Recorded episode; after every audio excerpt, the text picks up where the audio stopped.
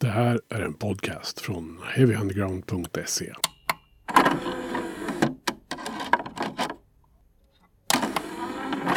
Heavy Undergrounds podcast presenterar stolt ett till klassikeravsnitt.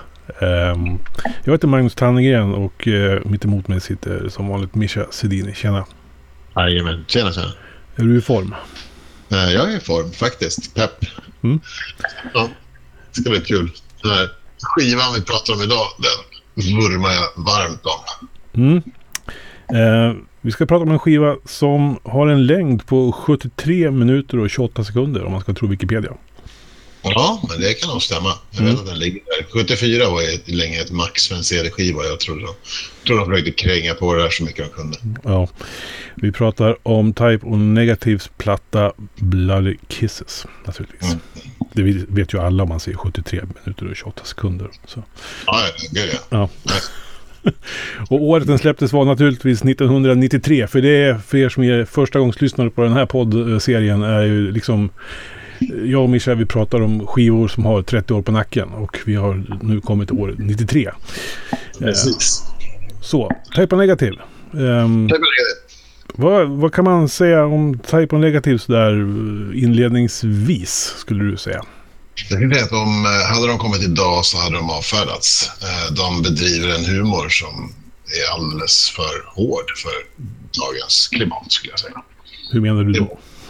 Ja, jo, men de har ju mycket låtar som är så här, man skulle kunna tolka det sexistiskt och, eh, och eh, även rasistiskt.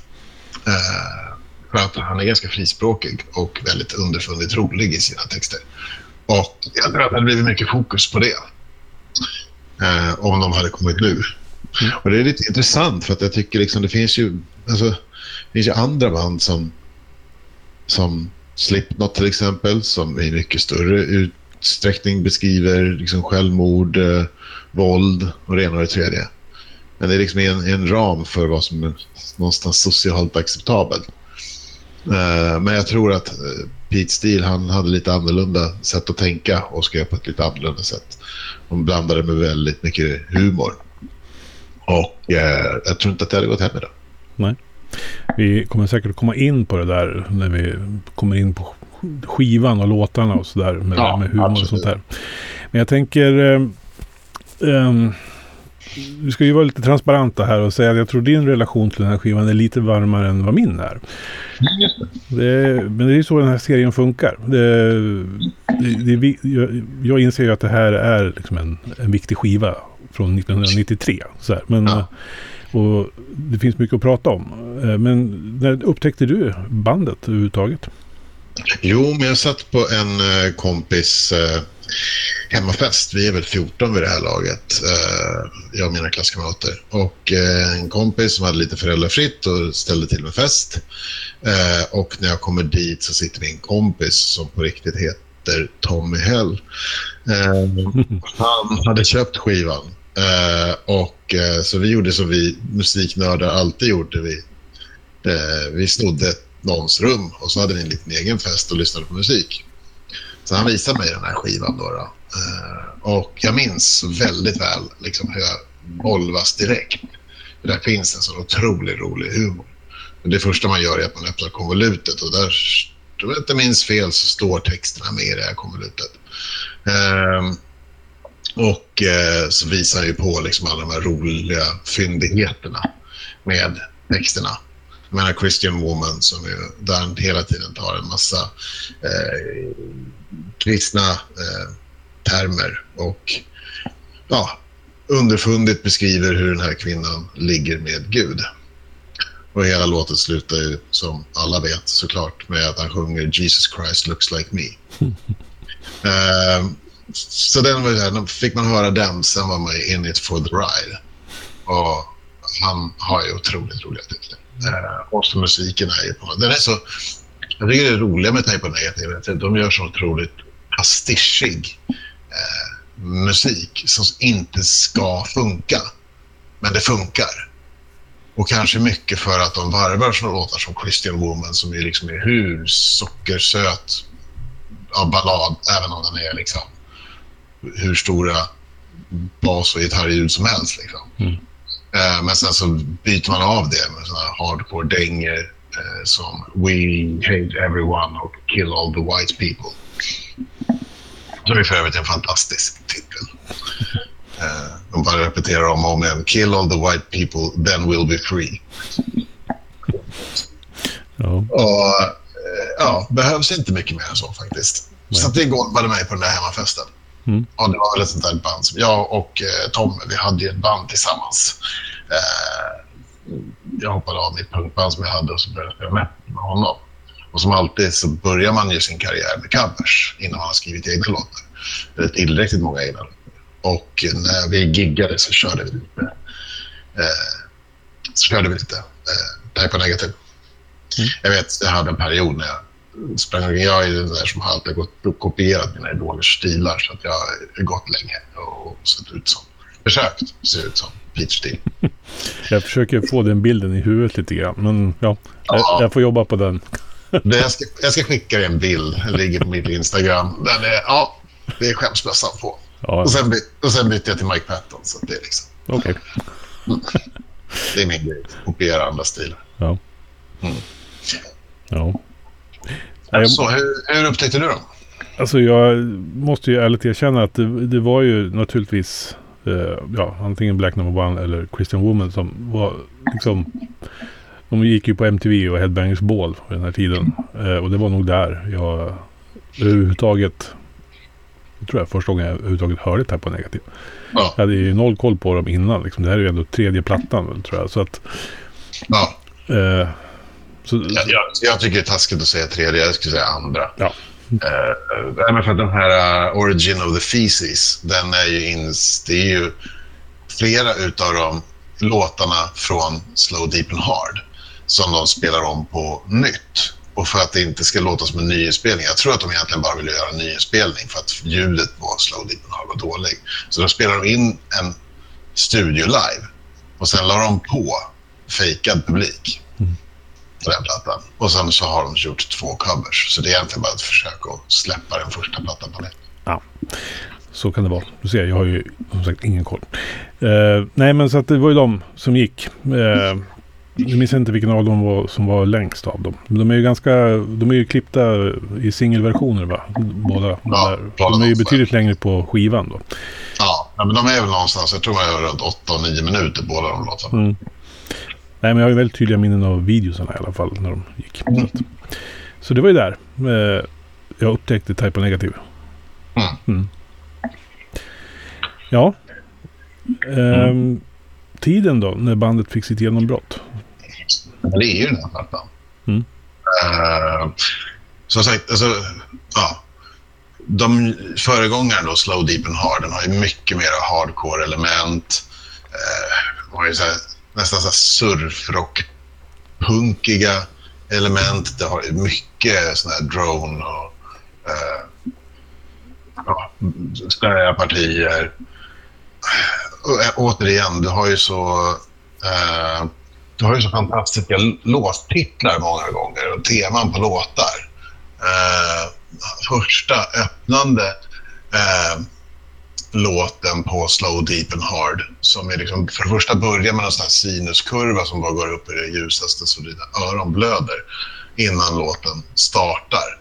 Eh, men, och den handlar, hela den här plattan är skriven om en och samma kvinna som, ja, som han har en relation till och som han nu inte längre tycker om. Och här är en sån här typisk grej. Så han har skrivit en otroligt fantasi eh, historia när han kommer på att hon är otrogen och sen så pratar han om ångesten och sen finns det någon låt där han vill döda henne. Eh, och eh, sen så kommer jag inte ihåg hur, hur slutet är. Liksom. Men jag fick ju väldigt mycket om det för att vara misogyn. Och han, han sa ju det, så ni får kalla mig kvinnohatare om ni vill, men det gör mig ledsen, för jag pratar om en kvinna. Jag säger inte att alla kvinnor är så här, utan jag får ut min ångest för det här. Skitsamma. Men äh, första låten heter i alla fall Unsuccessfully coping with the natural beauty of... Uh, vad har vi? Uh, det var för långa låttitlarna. uh, with the natural beauty of infidelity. Mm. Och sen så har det ju... Eh, de har en låt som är en minut och fyra sekunder tystnad. Och den heter The Misinterpretation of Silence and its Disastrous Consequences. Men den här är i alla fall mycket hårdare eh, eh, och har några låtar som är betydligt längre. Kortaste låten, förutom då en minut, den är ju sju minuter. Och så har de ett par låtar som är tolv och en halv minut långa. Mm. Jag gillar med dem att de skriver nästan hela tiden rockoperor. De är indelade i, i sektioner. Så att uh, de kör, det, varje låt är som tre eller fyra olika låtar. Mm.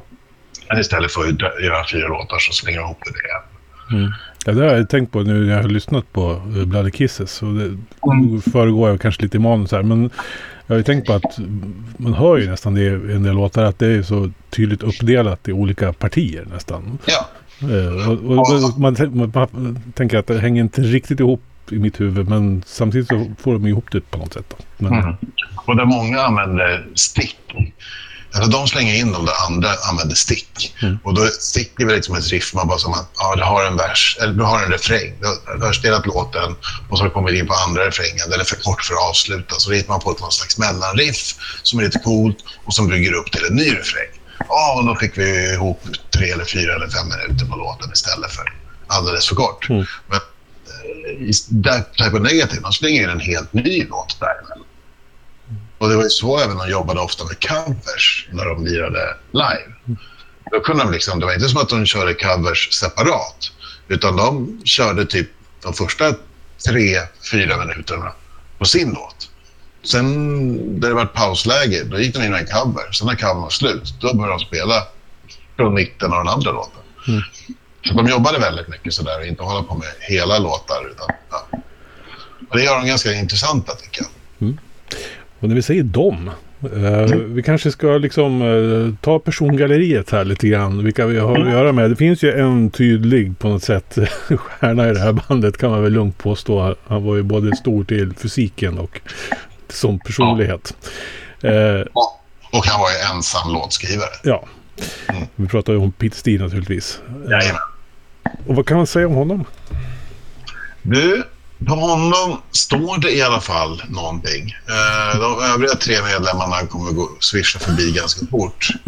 Men eh, Pete är ju född 4 eh, januari 1962 i Brooklyn. Och han hette då egentligen Thomas Ratatschik. Någonting liknande. Ni får rätt min polska där. Eh, men även känd som Lord Petrus Steel eller The Green Man efter låten han skrev till eh, eh October Rust. Eh, så det var många fans som kallade honom för The Green Man. Eh, barn till eh, en polsk pappa, eller polsk och rysk pappa som var med och krigade i andra världskriget. Eh, samt en mor som har skotskt, irländskt, norskt och isländskt blod. Eh, ser man salig röra? Oj, oj, oj. Ja, det ska vi se den DNA-kartan. Eh, yngsta barnet i skaran med fem äldre systrar. Eh, började spela bas som 13-åring. Då. Han var väl egentligen vänsterhänt, men eh, spelade i, gitarr i ett band där man krävde att han började spela bas istället för gitarr om han skulle få vara med.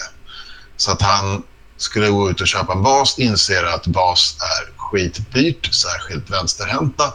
Så att han köper en högerhänt och lär sig spela på den. Fast det naturliga för honom var högerhänt. Um, växte upp i Bensonhurst, om du känner igen det från något på skivan. Nej, du har inte lyssnat på dem. Uh, på varje Type of Negative platta så har de ju kvinnliga körer. Den kören heter alltid Bensonhurst Lesbian Choir. Eh, det är aldrig samma personer med. Eh, men tjejkören heter alltid Bensonhurst Lesbian Choir. Eh, han eh, jobbade på parkförvaltningen vid Brooklyn Heights promenad eh, innan han började turnera med, med Type Negative 94. Um, han, uh, ja, han var helt enkelt parkförvaltning. Han älskade sin. Och innan de skulle åka ut på innan han väl åkte ut på turnén. Så det var ett långt tjat på honom. Uh, både bandmedlemmar och skivbolag. För han ville inte turnera. Nej. Han, uh, Pete hade en otrolig scenskräck. Så att... Um, som han fick dricka bort. Så han var inte så intresserad av att åka ut på turné. Men när de väl gjorde det så öppnades ju alltihopa. Och det gjorde de på Bloody Kisses. Eh, men om vi återgår till hela hans historia då. Eh, han bildade sitt första band, Fallout, redan som 17-åring tillsammans med George Silver som är hans barndomskompis. Eh, och...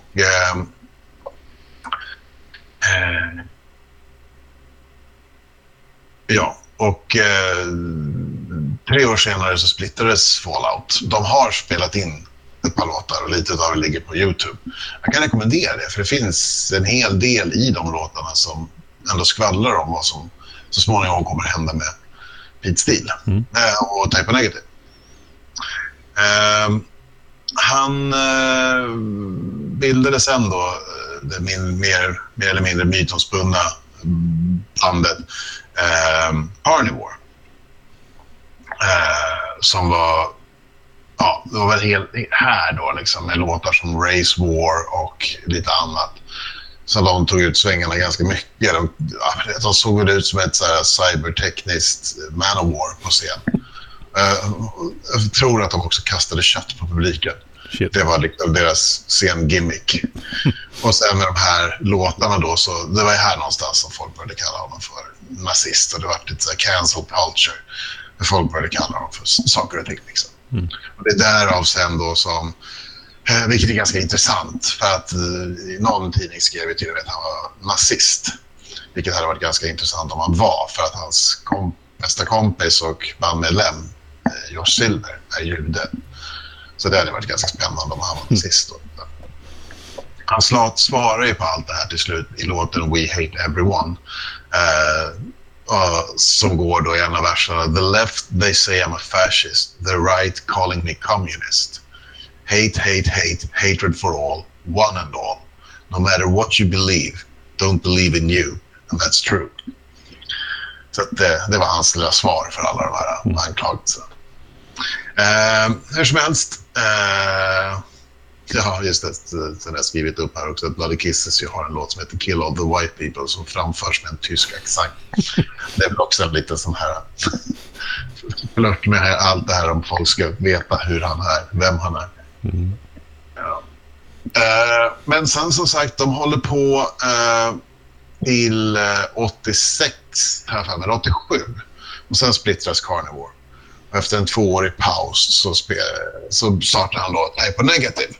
Och vem är med i Type of Negative? Jo, roligt att du frågar. Ja, jag tänkte precis. Josh Silver, som är född eh, samma år och i Brooklyn, eh, var ju barndomsvän då, och klasskompis till Pete. Eh, och jude. Men mer än så bjuder inte Wikipedia på. Och jag tror inte det finns några böcker skrivna om Josh Silver heller. eh, men mannen som var den med mest mörkast aura i bandet, han var ju alltid den som var sådär... Eh, ah, no några skrev i alla fall eh, ja, tacktal och hans tacktal var väl så här, någonting i stil med eh, ja, Don't get to know me, I will be dead soon. Någonting sånt där liksom. Ja. Mm. Så det var liksom allt det. Men det hela var ju liksom väldigt mycket. De var ju deprimerade såklart, de är ju hårdrockare. Men det hela var ju liksom att de drog alltid det där självmordsskämten eh, till sin yttersta spets. Eh, hur som helst, eh, han var ju den som var värst i det där gänget med de där bitarna. Eh, men eh, ironiskt nog så när Taiwan Negative sen låg i dvala så utbildade han sig till ambulansförare, vilket han fortfarande jobbar som. Det känns ju väldigt rimligt. Mm. Jag såg det i någon intervju och då var det väl eh, Kenny Hickey, gitarristen, som sa att uh, well, just so you know, if you if you get hurt in, in New York, if you get hurt and you're in New York, there's a there's a chance that Josh will come and pick you up. Uh, men, och det är det jag menar, det är det som säger ganska mycket om hur mycket humor som låg bakom alla de här självmordslåtarna. Eh, Silver och eh, tillsammans med Pete, de stod alltid för produktionen av of Negatives skivor. Och jag kommer inte ihåg vad den heter, Systems 2 eller någonting. Tror jag studion heter, som de alltid spelade in sina skivor i. Så de var ju väldigt sådär... Alltså, Pete, han var ju alltid väldigt sådär, han gillade det som han var van vid. Så han ville egentligen ha sitt jobb som trädgårdsmästare. För det var han van vid. Han ville inte ut och... Han var väldigt blyg helt enkelt. Och han tyckte det var jobbigt att byta studio, så de hade alltid samma studio. Och han och Josh kunde fixa produktionen. Och då gjorde de det. Uh, men lite trivia är ju att uh, Josh han producerade ju också Life of Agonys första platta, River Runs Red. Och då, då, ni hör ju på bandnamn Life of Agony och plattnamn River Runs Red att det här är ännu gladare pojkar. Mm. Uh, och uh, som gentjänst så är de flesta av uh, grabbarna i Life of Agony med på uh, Bloody Kisses och kör manskörer. Bland annat sjunger då uh, Kill all the white people. Och kopplingen mellan de två banden är ju att Sal Abuscato är ju medlem i båda. Och när eh, inte Type Negative vill ut och turnera efter att plattan är inspelad, då slutar Sal för att koncentrera sig helt på Life of Agony. Mm. Uh, ja, de står med i bukleten som Erasmus High School Boys Special Edition. Så det, det är Life of Agony det. Hur som helst, Sal Abrascato, han är ju trummis. Eh, och i rakt stigande led neråt så står det ännu mindre att finna om Sal än vad det gör om Josh. Eh, vi vet att han är lite yngre. Han är född i juli 1970, så han är åtta år äldre än de andra två. Eh, han är född också i Brooklyn och eh, han eh, har känt de andra i Type Negative ett bra tag. Han är endast 21 år gammal när de debuterar med Slow Deep and Hard. Mm. Uh, ja. Han blir väl, vi, han blir väl ersatt sen av uh, Johnny, vad heter han? Kelly. Kelly. Mm, ja, som, exakt. Som, Precis. Sen, som ju var deras trumtekniker. Ja, och som sen gick vidare till Danzig. Ja, precis. För han, jag tror att han på grund av droger får kicken ifrån Life of Agony. Mm. Så han har väl gjort dubbla nitlotter där. Mm. Uh, men han var ju tillbaka sen, tror jag. Mm. Han är med på någon av de, två platt, någon av de sista plattorna också. Hur som helst, Kenny Hickey, gitarr, med från start, född 66. Uh, eh, och uh, ja, Eh, även han, en barndomskamrat till de andra. Han började lyssna på Johnny Cash när han var liten och sen kom han över till rock'n'roll via Elton Johns Yellow Brick Road. Eh, och eh, ja, precis. Kenny Hickar gör ett turnégitarrist åt Danzig. Det finns en koppling här. Det finns en koppling. Ja. Mm. Så det är det vi vet. Eller förlåt, jag rättar mig själv här. Det är det jag vet om deras bakgrunder. Ja, det är ju tydligt vem som är fixstjärnan i det här bandet i alla fall. Så är det verkligen. Han, eh, Pete skriver ju alla låtarna. Mm. Eh, och, eh, sen, men sen tror jag att han skriver grunder. Och jag tror att Josh med sina syntar, för det är väldigt mycket pianopartier och sånt där. Så jag tror att Josh är ganska inblandad också. Mm. Även om man inte får låtskriva cred. Nej. Vad jag däremot vet är att han har alltid varit väldigt generös, eh, Peter Steele. Mm. Eh, han är ju, många, många beskriver honom som världens största nallebjörn. Mm. Och gubbarna i Taiwan Negative, de delade ju på allt liksom lika. Mm. Uh, hur som helst, Pete hoppar av Carnivore 1987 och startar of Negative 89. Och redan, uh, redan 1991 så släppte man debuten Slow, Deep Hard. Uh, året därefter släppte man Origin of the Thesis som som sagt är en coverplatta på sin egen första platta. Uh, och eh, sen då så året efter det, 93, så släppte man Bloody Kisses den 17 augusti 1993. Mm. Det är då man eh, kommer in på Roadrunner Records. Precis. Ja. Uh, för alla de här plattorna ligger på Roadrunner. Mm. Han hade nog, jag har för mig att han har skrivit på en stor deal. Han ville egentligen inte från början släppa det på Roadrunner. Men när han har haft Carnivore så hade han nog legat där. Och han har skrivit på något längre kontrakt. Eh, han, inte bandet. Han var själv lite förvånad. Han hade glömt bort att han hade signat det själv. Eh, så att de andra gossarna försvann utan problem. Men han låg fortfarande kvar på, på uh, Roadrunner. Då ska man ju veta. Och, eh, men Roadrunner måste ju ha vetat vad de gjorde. För att de skulle ju prompt ha kvar honom. Mm. Och sen kom ju Bloody Kisses som blev Roadrunners första guldplatta i USA. Mm. Då ska man ju veta att Roadrunner Records det är, alltså det är ett av de här skivbolagen där i slutet på 80-talet som släpper väldigt mycket dödsmetall och sånt där. Eh, och var väl lite the shit liksom när det kommer till skivbolag i, ja. i den hårdare skolan under några år. Mm. Eh, legendariskt. Eh, oh ja, och, och leg på 90-talet så var det, det var ju den bästa kvalitetsstämpel du kunde ha. Ja, och, du, folk visste att ja, det står Roadrunner, det var köp. Ja skivbolagsbossen där, Monty Carner, han är ju en legend. Liksom, i, ja. Så. ja, man kan väl säga så sagt. Eh, nu vet jag inte. Men vi har väl uh, Sepultura låg på ja, dem. Absolut. Ja, och Korn har vi sett på ja, dem tror jag. jag tror de, många av de stora banden från 90-talet i den hårdare skolan. Ja, Machine Head, ja. Fear Factory kanske. Nej, ja. Fear Factory är inte Scope tror jag. Mm. Men det är många av de där banden. Jag kan ju rekommendera, eh, det finns en podcast som handlar om släpp på Roadrunner. Jaha. Som heter Meep Meep.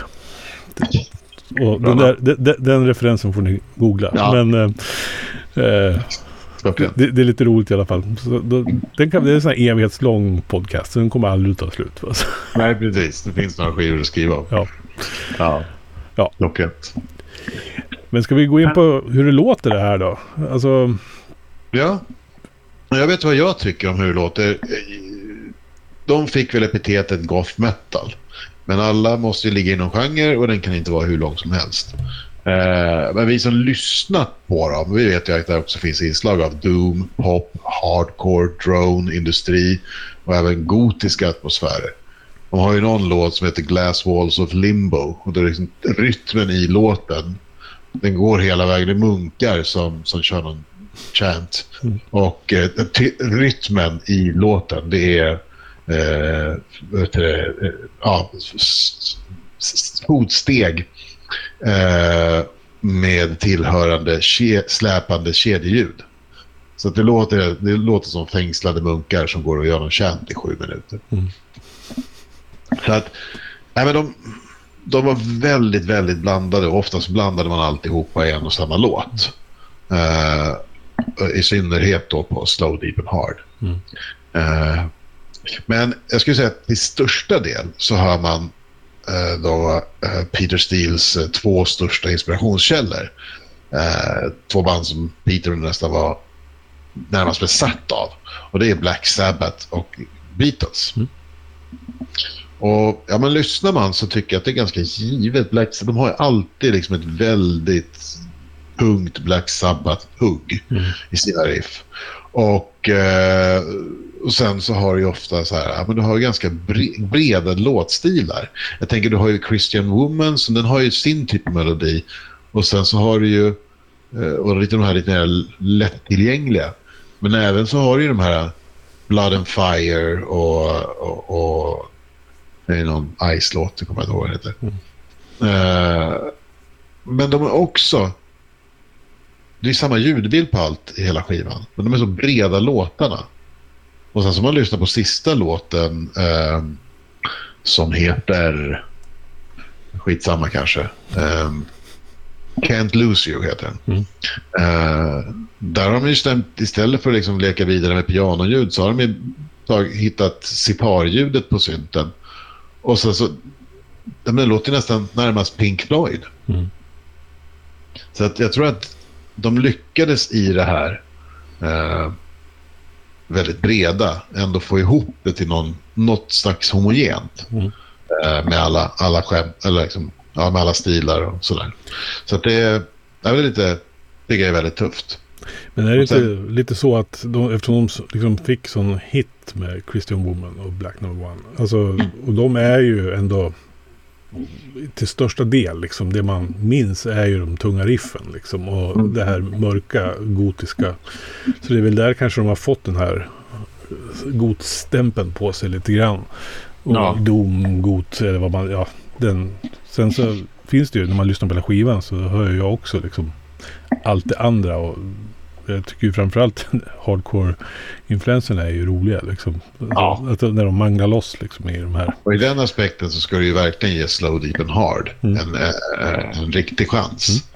För att de låtarna, och så ska man gärna läsa texterna till, mm. de är ju så... Den är ännu mer humorbaserad.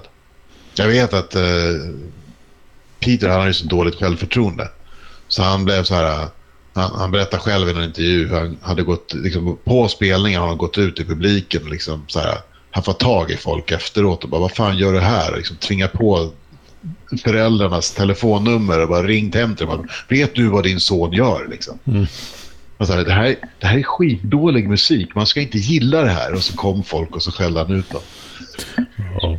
ja, han var som han var. Ja. Uh, så att, uh, och sen så har han ju liksom, till det här så har han väldigt stark humor i, i låtarna som jag tycker lyfter alltihopa. Mm. Uh, så att även om det är mest jag ska inte säga ploj är det inte. Mycket är ju som sagt, hela Slow Deep and Hard är ju självupplevd.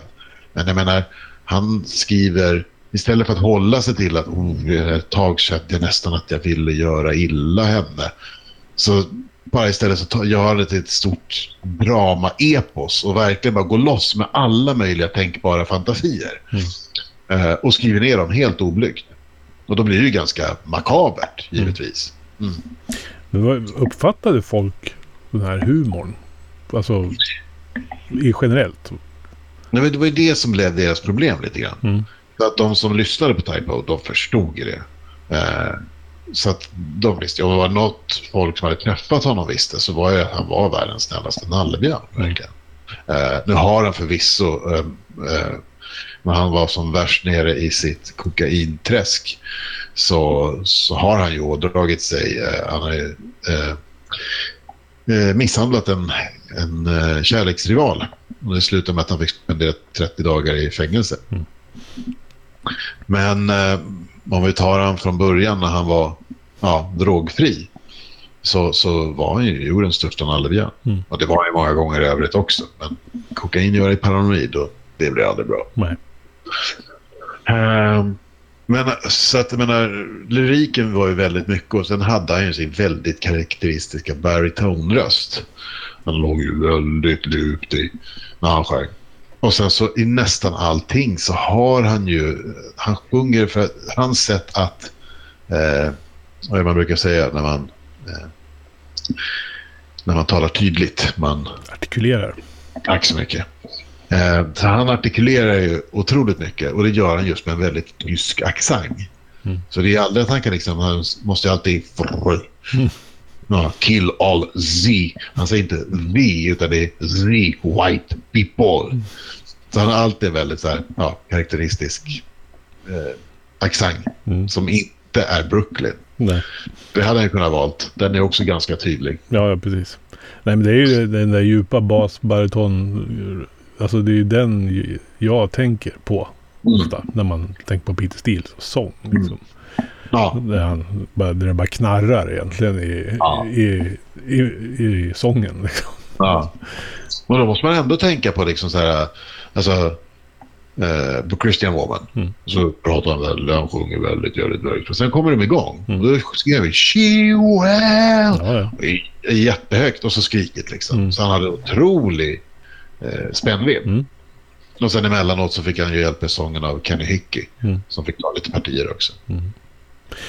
Det jag alltid vad, tycker du, vad tänker du när just hur det låter? Du som inte är lika kär i dem som jag. Nej, det jag alltid har tänkt på, där på negativa, alltså det är ju ljudbilden de har. Alltså, eh, nu är ju då de två som alltid har producerat och sådär. Men det är någonting som är lite skevt tycker jag i, i sättet som Type of Negative låter på skiva. Uh, jag vet inte om det är gitarrerna eller... Det, det, jag, eftersom jag inte är ljudtekniker eller musiker kan jag ju inte riktigt sätta fingret på vad det är. Men Nej. det låter lite burkigt liksom. Och det låter lite... Alltså på gränsen till hemmasnickrat. Alltså förstår du vad jag menar? Alltså, det är ja. inte helt... Det är inte, det är inte den här 10 miljoner kronors studion liksom som används. Nej. Utan... Den, och sen så då har du ju varit inne på hur de använt ljudeffekter och allt möjligt och liksom mm. för att skapa rytmer och musik. Eh, och det gör det lite fascinerande att lyssna på Taibo Negative tycker jag. Samtidigt som jag, jag skulle ju vilja, ibland, jag har tänkt så här att fan om det hade haft bättre prodd på gitarrerna här liksom. Jävlar vad tungt det hade blivit liksom. Så här, nu låter det bara... Om jag ska dra en parallell så har jag alltid haft problem med bandet Prong. Eh, mm. Av ja. samma anledning. För gitarrerna låter ungefär, alltså det är samma problem där. Liksom, fast ja. Sen är, hör jag att det är ett svinbra riff. Liksom. Och, det, det, och det där är samma för mig som jag har på, men det har man ju några skivor. Jag har ju, så här, jag älskar ju egentligen Therapist Trouble Gun. Mm.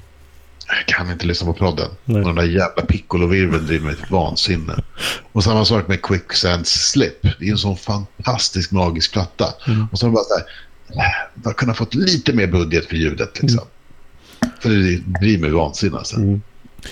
Men det är ganska roligt att du säger det, för det är ju ändå de två som producerar det. Mm. Och jag är ganska säker på att hade de tagit en producent på riktigt så hade de ju förmodligen fått ut eh, en, en bättre låtande produkt. Mm. Men det är ju förmodligen då liksom, ja men du vet, Pete hade säkert ett kontrollbehov och, och sen ville de göra det för sig själva i, i studion. Ja, ja. Det är ju väldigt, det är väldigt punk, punk över det också. Att kunna liksom ja. sy ihop det så här. Och, så, mm. Man baserar på speltiden och det är ju väldigt ambitiöst. Liksom. Det är ju inte, det är inte ett garagepunkband liksom, som går in och lirar in tio låtar på tio timmar och sen är glada. Utan Nej. det här är ju jobb bakom. Liksom. Ja, men sen är det ju så. Pete var ju så jävla bestämd på sin den här distade basen. Mm. Och den låter ju verkligen burk. Mm. Det gör den ju. Men samtidigt vet jag inte hur många distade basar på du vet, tidigt 90-tal som lät någon nämnvärt bättre. Jag tror inte ens liksom fanns... Alltså, på den tiden fanns det ju inte ens distpedaler för basar, för man distade inte basar. Nej. Utan då, då fick man jobba på, på andra sätt för att få liksom det krispiga ljudet. Mm. Jag är helt övertygad om att det låter ju så burkigt för att han har säkert en gitarrdist på den där. Liksom. Och sen så väl den låg på Bloody Kisses så då kan han inte byta. Nej. Utan han hade ju sitt karaktäristiska ja, korvljud på sin bas. Den kunde de inte kliva ifrån. Nej. Så att, uh, nej. Ja. Spännande. Mm, verkligen. Uh, ja, har vi några mer reflektioner kring den här skivan? Sådär. Det har vi säkerligen. Ja. Men det här är en sån där skiva jag kan prata om hur länge som helst. Om man vill liksom... Ja, vad är det du gillar med den då? jag vet att humorn är ju en sån sak då. Humorn är en definitiv sak. Mm. Uh, jag vet inte. Nu tror jag mest att det är romantik. Eller jag tycker faktiskt låtarna är bra. Jag var faktiskt förvånad över hur, hur bra jag fann dem när jag lyssnade på dem senast i, igår. Eh, så lyssnade jag igenom den här plattan igen. Jag tycker det finns någonting där. Eh, eller det finns, det finns hur mycket som helst där. Eh, men humorn är en, låtarna är en annan. Och jag tycker att det blir sådär... När det finns humor och det finns en, ja, en hyfsat bra prodd. Eh, för de gör ju hur stora låtar som helst. Och sen när de, när de inte är stora, men om vi tittar på den här... Eh, vad heter den nu då? Måste jag dubbelkolla. Jag ska inte säga fel någonstans. Den heter... Ja, eh, ah, det är Bloody Kisses. A Death in the Family. Deras 11 minuters epos på den här plattan. Och det handlar ju... Det är också en sån här skön grej. Det låter ju verkligen som någon som... Låten är skriven som att ja, no, någon tjej tar livet av sig och han är på väg han också. För att han orkar inte leva utan henne. Mm. Det är skrivet om hans katt som dog. Så det, och det gör han ett 11 minuters epos med som verkligen låter som det mest deprimerande. Så liksom mycket så här, är någon gång någon ner och det är bara trummor och han viskar. Och det bara, man hör Josh lägger de här mystiska mattorna bakom. Liksom. Han, som slut på alla beslutna, nu ska jag också bli fri. Och sen när man får reda på att det handlar om en katt, då blir det bara för roligt. Liksom. Mm. uh, så att vi har ju det där och uh, jag vet inte. Vi har We Hate Everyone, hur rolig text som helst. Uh, vi har, de gör en cover på en gammal 60-talslåt, uh, Seals and Croft, den här Summer Breeze. Mm. Som de faktiskt gör hur bra som helst. Jag tänkte ju säga det, den, den sticker ut lite grann Eh, mm. Och jag tycker att de gör den ju så bra. Det, liksom, det visar ju på ett liksom, type of negativ som man kanske inte tänker på dem riktigt. Eh, och det, passar, hela, hela den approachen och den, den tidens musik verkar ju passa dem. Ja. Jag, jag tycker det är rätt skön. Ja, men det är det jag menar. För då kommer ju så här låtar som Too Late Frozen. Man hör ju tydligt att de har liksom... Många av de här låten, riffen, har ju ganska... Eh, som ja, till exempel Too Late Frozen. Eh, när de liksom bara... Det är ett glatt riff. Och sen då när det kommer igång så bara... It's too late. Lite såhär Beach boys Ja, men med liksom jättedistad bas och liksom stor produktion. Mm. Så det, precis, jag tror att det är det. Många vill gärna liksom slänga in dem i, i något gott. Men det är liksom deras utåtgående. Mm. Eller det kanske är mer på... Gotten finns ju mycket mer på, på själva... På October Rust. Mm. För det var ju hans det var hans leg spreader-skiva. Han har ju sagt det så många gånger. Liksom, han har erkänt i intervjuet att hans största mål med den plattan var att få så mycket groupies som möjligt. Den är helt designad för att han ska få ligga. och det har han sagt själv. Ja, ja. Och det har även liksom Josh sagt också. Jag är inte så förtjust. Det är alldeles för mycket smäktande ballader. Han var så jäkla kåt på den där tiden. Men men just Bloody Kisses, det finns fortfarande kvar mer den här humorn från förra plattan. Mm. Så det, även Bloody Kisses är lite ett gränsland mm. eh, för dem musikaliskt. Josh har ju sagt det sådär, liksom, att det var, en, det var... De hade vad jag säga, de, de hade tur med den plattan. Det var, det, det, hela den plattan är en freak accident. Mm. För att de blandade så mycket. Och det visade sig att det var det som gick hem. Mm. Ett halvår efter att eh, Bloody Kisses släpptes så fick eh, Pete Steele kalla fötter. Så han fick Roadrunner och släppa en, eh, en, ett digipack. Men det här digipacket, där har man ju... Jag ska se om vad den heter. Eh, den heter samma. Nej, det var Top Shelf. Nej, ja, skitsamma. Men han släppte i alla fall en som var nedkortad. Man hade tagit bort alla de här mellanpartierna. Eh, där liksom det går någon det låter som maskineri som går och ett barn som gråter. Eh, och, och, lite andra så här konstiga grejer som de höll på med. De har tagit bort alla de låtarna. De har tagit bort eh, de två hardcore punklåtarna.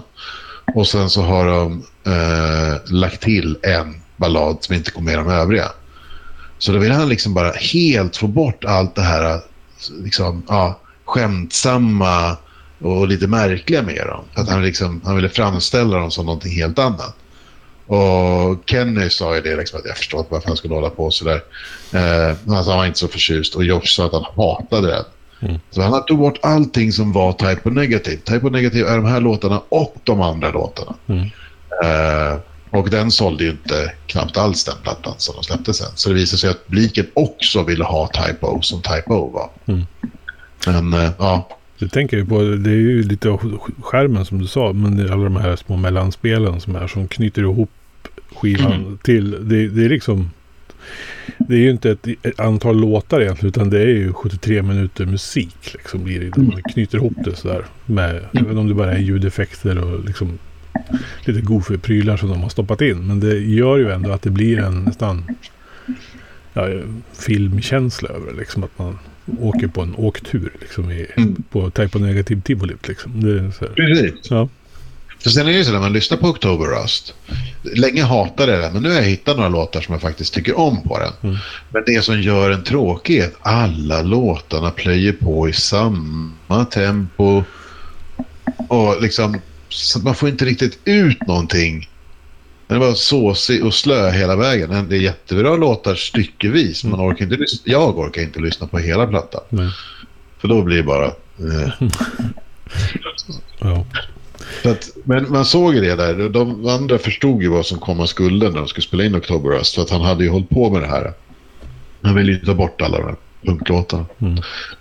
Men han måste väl ha hittat tillbaka till de där sen. För han slängde in några och jag var väl 2000, då var jag i USA. Eh, och i, i Atlanta. Och då skulle Type O spela med när jag var där. Mm. Så då köpte jag biljetter. Och, eh, och gick dit. Men då hade, de, då hade de en helt annat upplägg. För då körde de hela Slow, Deep and Hard. Och så slängde de in två skivor från, från eller två låtar då från Bloody Kisses. Och det var eh, då eh, Kill of the White People och We, are, We Hate Everyone. Mm. Så de spelade helt punksätt liksom. Mm. Ja, för mig var det bara trevligt. Är de låtarna jag tycker är roligast. Ja. Om jag gillar poppen också. Ja. Men vad fick den här skivan för konsekvenser då, vi, kan man säga, för Typo Negativ? För några konsekvenser ja. blev det ju naturligtvis. Ja, men, som sagt, det är här de börjar turnera. Och det är då också som de... Eh, eh, ja, de ger sig ut på någon årlång turné innan de kommer tillbaka till, till staterna. Och då vill ju... Ja, vet du, Steve vill ju spela in sin... Eh, sin eh, för, förförarplatta. Eh, förspelsplatta då. Och den, den är faktiskt inte lika populär. Men den får mer speltid på, på MTV. Eh, min, minns jag... Nej, det är fel platta. Det är inte My Girlfriend's Girlfriend på den, va? De kör väl andra. Jo, My Girlfriend's Girlfriend är med på October Rust och det är första. Mm. Uh, och uh, sen tror jag de släpper även Love You To Death. Men jag kommer inte ihåg. Nej. Och, eh, och det är den plattan de verkligen blir stora med. Och det här har man också, liksom, tidigare har man haft ett större del har man haft eh, killar i publiken. Men med den här plattan så liksom, ökar det till 50-50. Jag tror jag såg dem på October Rust-turnén på Cirkus. Jag kommer ihåg då, liksom, att det var, så här, det var ovanligt mycket tjejer för en hårdrockskonsert. Mm. Du känner igen det begreppet sen ja. du har varit på spelningar. Absolut. Med alla dessa män. Mm. Att, eh, nej, jag skulle säga att Bloody Kisses helt klart är deras startskott för. Och det är ju lyckad konsekvens av att de släpper då Christian Woman och Black Number One. Och sen att, eh, att han går med på att ut och turnera. Mm. Mm. Ja, och Peter Steele finns ju inte med oss längre. Nej, Nej. det är väldigt tråkigt. Uh, som sagt, han, han berättade i en intervju som jag hörde. Eh, han sa ju det här liksom, att han, han har en otrolig eh, skräck för scenen. Och eh, ja, han berättade om något gig. Då hade han, ju större publik desto mer drack han. Så de har väl spelat för 130 000 pers på någon spelning. Och då hade han druckit Ja, han, han hävdade 12 flaskor vin. Fyra före, eh, fyra under och fyra efter. Eh, svårt att tro, men jag tror att han i något talar sanning om hur jävla rädd han var för scenen och hur mycket han drack. Mm. Sen till slut blev det då kokain och förmodligen andra droger. Och eh, det gjorde att han hade en ganska tuff period ett bra tag. Mm. Eh, och ganska illa där under World Coming Down och, och sådär. Mm. Men eh, lite... Det hela gjorde ju att hans kropp tog en fruktansvärd stryk. Eh, som sagt, om man kunde svepa ett gäng flaskor under gig så kunde han nog ta en hel del kokain. Eh, och eh, så vad som hände var att han hade ju han hade varit drogfri i, i, i sex månader. När eh, hans eh, kropp ger upp. Eh, för han, eh, han har utvecklat, det ska jag säga han, fick, eh, han dog av blodförgiftning på grund av en långtgående obehandlad och inflammerad tarm. Mm. Och det är lite ja, sorgligt och ironiskt att det är det som dödar honom. Mm. Uh, men uh, han, han, säger ju själv att han var bipolär. Han hävdade att han hade ett 20-tal personligheter.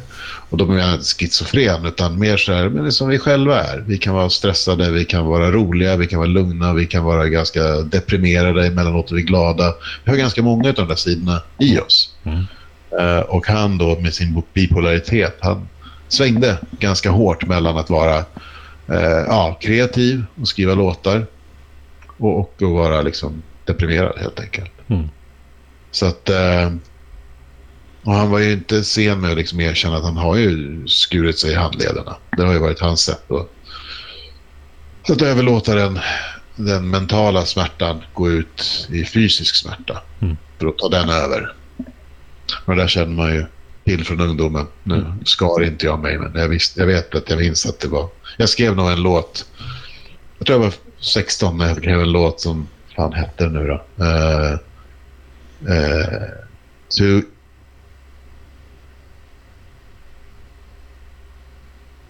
Ja, det var någonting med to, to, to make you feel pain is to briefly change the source of pain. Något sånt där. Ja, Jag kommer inte ihåg exakt det. Ja, men... uh, som sagt, jag gillade Type Negative när jag var ung. Uh, uh, och det var så roligt, för det var mitt enda bidrag till en demo som vi gjorde när vi spelade i vårt gamla punkband Arise. Och mitt var 11 minuter lång skitlö låt. Som fick avsluta den demon. Det var väl ungefär där jag förstod att jag kanske skulle hitta ett annat band att lira med. Mm. Uh, ja, som sagt, han hamnade i fängelse där då. Uh, och senare, in, sista åren, han var ju den som alltid uh, kastade, uh, kastade små kängor på, på religion och, och sådana saker. Mm. Men på senare år så, så blev han, han konverterad och blev romersk katolik. Men han är uppvuxen med det. Hans mamma var ju romersk katolik. Mm. Så det här, och det är ganska vanligt tycker jag att jag ser på även så här bland ens egna vänner. Man säger att jag ska aldrig bli som mina föräldrar och sen så blir man precis som sina föräldrar för det. Mm. finns någon trygghet i det när man blir äldre. Liksom. Precis. Uh, så att han, och det finns nog låtar på, på Dead Again. Jag tror att Dead Again var deras sista platta, mm. 2007. Och sen så skulle de egentligen ha gått in i studion där, men han gick och dog istället. Uh, så att, uh, men där finns det lå någon låt där också som handlar just om att han tyckte, hur fel han tyckte var med abort och sådana här saker. Mm. Så han konverterade rätt duktigt. Mm. Men jag kommer alltid komma ihåg honom som det är väl det som de flesta vet om Peter Steele. Han, var, han tyckte ju om att vara lite chockande. Han var ju någon slags lite mer rolig typ av Marilyn Manson. Mm. Uh, och var med i Jerry Springer och, och lite sådana grejer. Och en grej han ställde upp på uh, för att öka försäljningen här i samma tid som de släpper October Rust, hans förspelsplatta, då, så, så var han, kom han i kontakt med uh, Playgirl. Just det. Och eh, de ville ju att han skulle göra ett utvik för dem. Och han tänkte att det här kommer brudarna se. Lyckligt ovetande som vilken typ av tidning det egentligen var och vilka som faktiskt köpte den och läste den. Eh, så att eh, går man ut och googlar så kan man få reda på exakt hur stor han hade. Han var beryktad för att vara ganska stor. Eh, men han vek ut sig i Playgirl. Och då frågade de honom sådär, ja men eh, kan du Eh, vill du göra den med stånd eller utan stånd? Och då sa han, jag vet inte, eh, det blir nog utan. Eller är det olika pris? Och då fick han ju höra liksom vad priset var för att inte ha stånd och vad, kostade, vad han kunde få ut för att ha stånd. Och det blev väldigt tidigt att han skulle ha stånd. Det, det var tydligen den löneskillnaden.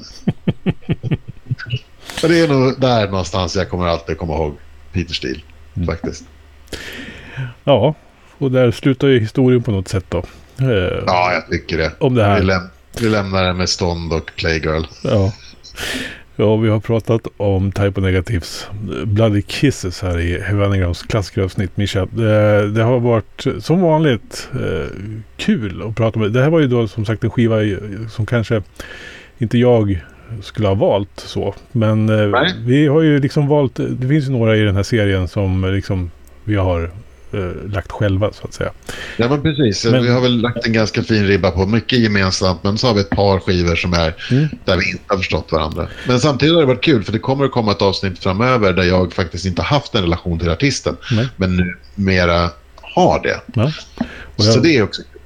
Och jag kan väl säga det att nu, jag kommer ju, efter det här samtalet så kommer jag nog att lyssna på Type Negativ på ett lite annat sätt. Vilket kanske kommer att ge mig en, liksom en annan bild av det här. Så att eh, ja. det är det som är så fantastiskt att göra sådana här poddar. Att man liksom lär sig saker och upptäcker saker på ett annat sätt. Sen är det sådär, du kan ju alltid, det jag menar, som den artisten som du har visat mig nu, som jag inte ska nämna namnet på för att vi inte ska spoila någonting. Mm.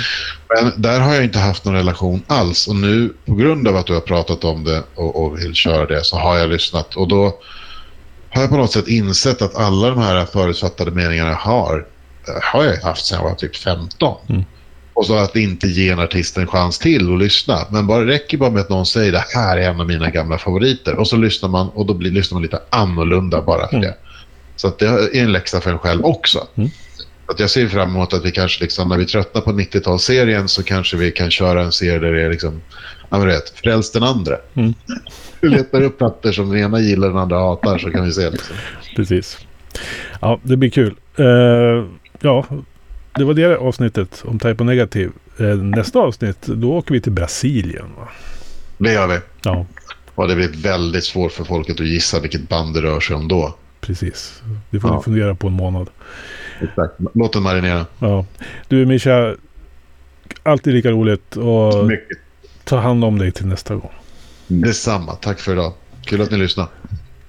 Du har lyssnat på en podcast från heavyunderground.se. Jag som säger det heter Magnus Tannegren och är den som producerar och intervjuar i den här podcasten. Vill du veta mer om det här avsnittet eller om podcasten i allmänhet? Besök heavyunderground.se eller leta upp oss på de sociala kanalerna på Facebook och Instagram. Tack för att just du har lyssnat. Hey, I met you. You are not cool. I know. Even when I thought I was, I knew I wasn't. Because we are uncool. I'm glad you were home. I'm always home. I'm uncool. Me too. You're doing great. You know, the only true currency in this bankrupt world is what you share with someone else when you're on